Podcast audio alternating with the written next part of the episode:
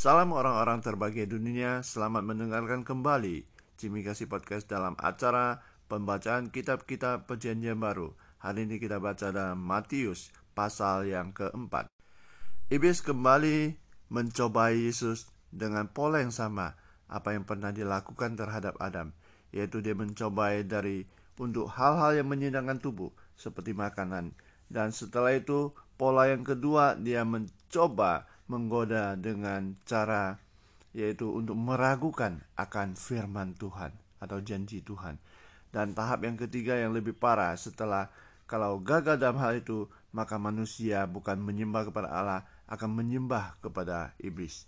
Di situlah yang dia lakukan pada pada Tuhan Yesus, tapi Tuhan Yesus tidak seperti Adam pertama hingga tergoda dan jatuh dalam pencobaan itu. Tapi Yesus mengatakan bahwa hanya kepada Allah saja kita sepatut sembah. Setelah pencobaan di padang gurun, Yesus memberitakan pertobatan karena kerajaan Allah sudah dekat.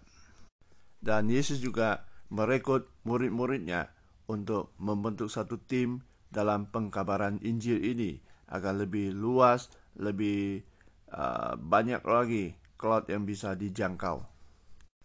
Yesus tidak hanya memberitakan pertobatan dan kerajaan Allah sudah datang, tapi dia menyaksikan, dia menyatakan kerajaan Allah itu sudah ada di dunia ini, yaitu dengan cara dia menyatakannya melalui kesembuhan-kesembuhan dan mengatasi kelemahan-kelemahan manusia yang dia lakukan dengan mujizat-mujizat yang menyertai dia.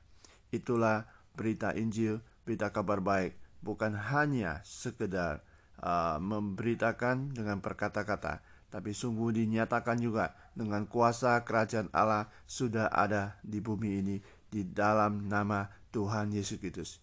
Terima kasih Anda telah sungguh orang berbahagia yang telah mendengarkan kabar baik ini. Dan sekali lagi, saya tidak bosan-bosan mengajak kita, ayo mari sebarkan podcast ini kepada banyak orang teman-teman untuk menyebarkan berita baik ini agar banyak orang memperoleh kasih karunia dan memperoleh kesembuhan atau mengalami pertolongan mujizat dari putra pada Tuhan Yesus Kristus kita. Haleluya. God bless you.